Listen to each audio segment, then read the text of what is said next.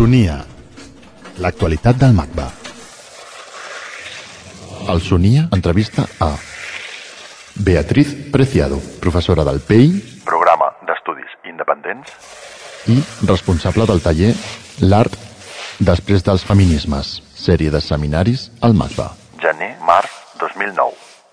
Un laboratori per a noves Este historiografies. proyecto surgió al principio como, como un proyecto de, de archivo eh, de las prácticas artísticas, políticas, discursivas, de políticas de género, digamos, y sexuales en el territorio español a partir de los años 60. Eh, evidentemente era un proyecto muy ambicioso. eh, yo empecé trabajando hacia un, digamos, una, especie de esquema conceptual o de una máquina abstracta en la que poder de alguna manera localizar un conjunto de conceptos, movimientos y prácticas y tal, pero eh, de momento no estamos ni mucho menos ahí. Entonces, eh, lo que sí empecé a hacer con, con los, eh, los participantes del PEI de, este año fue trabajando hacia la constitución, si quieres, de este, este árbol conceptual o de, esta máquina abstracta o llamada como quieras, ¿no? para pensar y para repensar las relaciones entre arte y feminismo, me propuse con ellos hacer un conjunto de microcartografías. ¿no? Entonces, eh, algunos de ellos eh, trabajaron más sobre el, momento que podríamos llamar de aparición de las primeras retóricas feministas o incluso de protofeminismo, eh, especialmente en el, contexto catalán, en, los años eh, 60 y 70. Eh, otros trabajaron más el momento en el que aparecen eh, ya retóricas mucho más formalizadas y codificadas en términos de género y de sexualidad y que de alguna manera infiltran el ámbito de la curatoría y el ámbito de la producción de exposiciones y de visibilidad en el territorio español más a partir de los años 80 y ahí sí que estuvimos explorando muy detalladamente eh, cuáles, cuáles fueron esas primeras nociones de alguna manera, es decir, cómo, eh, cómo se produce la visibilidad, a partir de qué nociones se produce la visibilidad, se produce a través de nociones, eh, digamos, por decirlo de alguna manera, esencialistas, por ejemplo, a partir de nociones de mujer o de diferencia sexual, o se produce a través de nociones que implican eh, multiplicidad, transversalidad. Eh, por ejemplo, también nos interesó mucho saber en qué momento aparecieron las primeras retóricas queer en el, en el Estado español y cómo se transformaron en dispositivos de visibilidad expositivos, a través de qué agentes, en qué instituciones. ¿no? Entonces, digamos que lo, que lo que fuimos haciendo es acotar ese proyecto, si quieres, más de archivo y conceptual, acotarlo en un proyecto historiográfico y hacer en el taller un, pequeño laboratorio de historiografías. Eh, intentar comprender cómo eh, ciertos discursos habían producido ciertos dispositivos de visibilidad e intentar ver cómo de alguna manera podíamos intervenir en esos dispositivos modificando los discursos o quizá leyendo esa historia de otro modo. Feminisme i esfera pública. Algo de lo que nos hizo entender el feminismo es que las prácticas eh, artísticas eran inherentemente políticas, ¿no? Y eran inherentemente políticas porque tenían que ver al menos con dos vectores, ¿no? Uno que era el del establecimiento de los límites de la, esfera, de la esfera pública y la visibilidad, y otro con algo que podríamos llamar políticas del cuerpo, ¿no? Yo creo que es ahí donde, donde el feminismo impactó realmente la práctica artística, ¿no? Eh, este primer ámbito, digamos, de, de redefinición de los límites de la esfera pública o del horizonte de la esfera pública, creo que ha sido absolutamente fundamental y creo que eh, tanto el feminismo como las prácticas mm, o las micropolíticas homosexuales o transmaricabolleras, por llamarlas de algún modo, ¿no?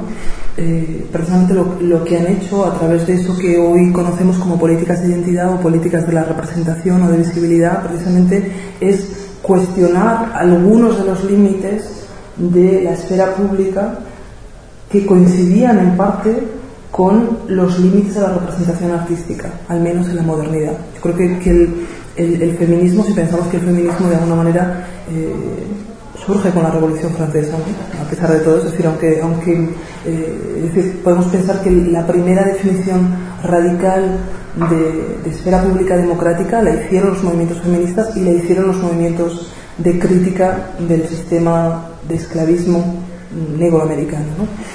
Entonces, es, esas, eh, esas dos enormes críticas a la definición de esfera pública de la modernidad, creo que son las mismas que de alguna manera eh, se han estado trabajando en el ámbito del, arte y de la representación.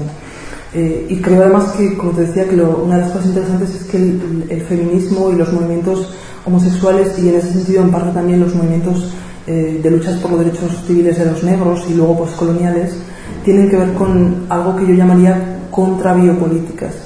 Es decir, eh, otros modos de construir y de pensar el cuerpo y la subjetividad y de pensar la relación entre representación, poder y subjetividad. Entonces yo creo que es, es ahí donde se, donde se produce una, una, redefinición política del ámbito estético. Construcció de noves historiografies. Yo sería bastante crítica con respecto al, a una supuesta idea, como si hubiera una especie de, de ente o de, de teoría feminista ya constituida y cerrada desde la que se pudiera venir a hacer una relectura de toda la historia del arte, ¿no?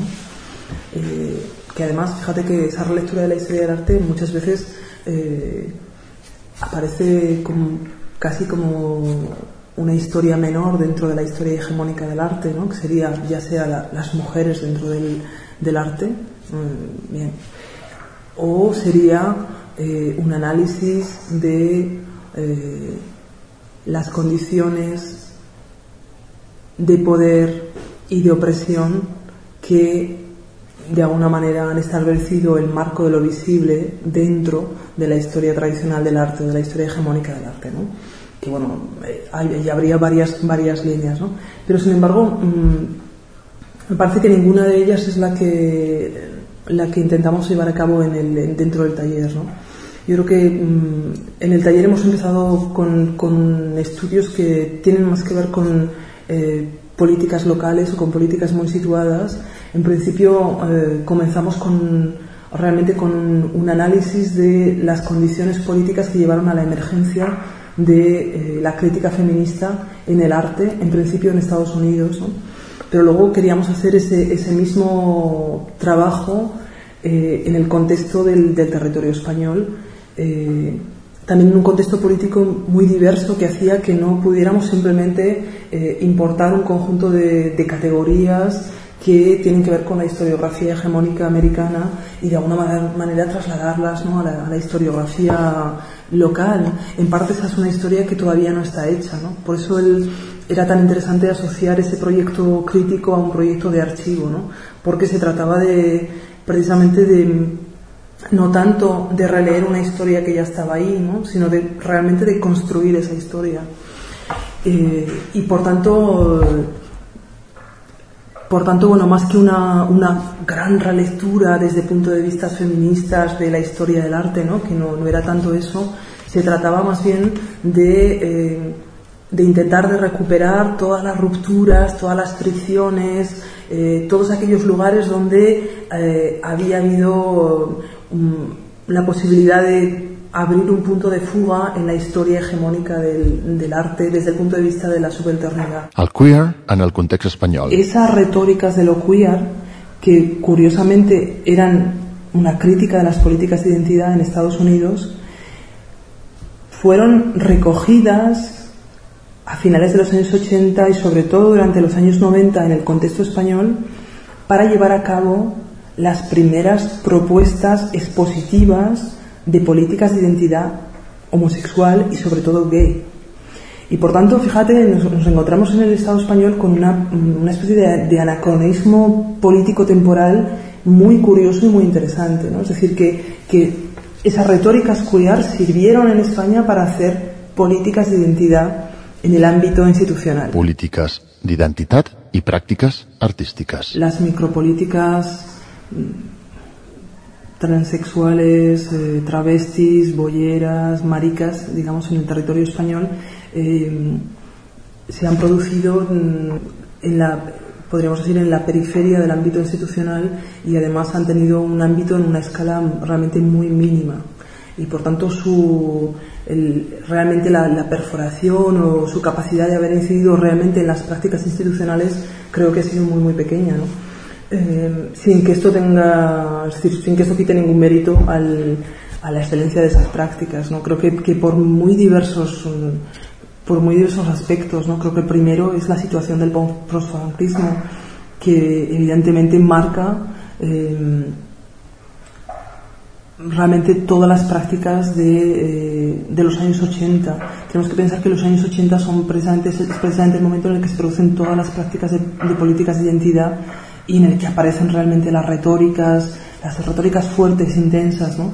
de arte gay, arte queer, incluso una revalorización del, del el feminismo como movimiento artístico. Es decir, están surgiendo en los años 80 y van a ser más intensos en los 90, ¿no? Y es precisamente ese momento de transición en España en el que todavía prácticamente mm, tenemos que pensar que los movimientos mm, transexuales, eh, homosexuales en España en este momento son cuasi ilegales y son muy, muy mínimos, ¿no?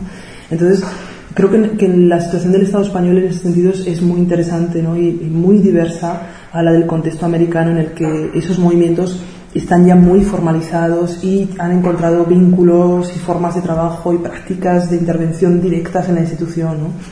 Creo que, ese, impacto en la institución, en el caso del territorio español, se está dando ahora, eh, se está produciendo ahora y no, no, no antes. ¿no? Y, por tanto, lo que sí, lo que sí podemos decir es que hay un conjunto de, de grupos, un conjunto de, de, artistas, de activistas que están precisamente, si quieres, eh, tanto criticando las, las formas de visibilidad del género y de la sexualidad en los marcos institucionales, como proponiendo otro cuerpo, otra sexualidad, otros placeres, quizá fuera de la institución. Uno de los, de los problemas es que las políticas de identidad pensaron la representación en términos de, visibilidad y en términos de eh, inclusión en esa forma visible del, libre mercado a la que nos referíamos ahora. ¿no? Y claro, eso también eh, de alguna manera imposibilitó ciertas transformaciones, ciertas contestaciones y una crítica de, eh, de las normas y de las identidades dominantes que de alguna manera en las que, las que persistían, ¿no? tanto en, las formas de codificación de la historia del arte. ¿no? Entonces, es decir, el, el, riesgo de la visibilidad es ser, eh, de algún modo, si quieres, reabsorbido eh, por eh, esa maquinaria hegemónica.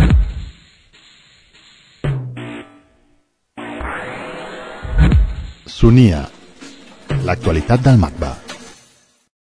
MACBA.cat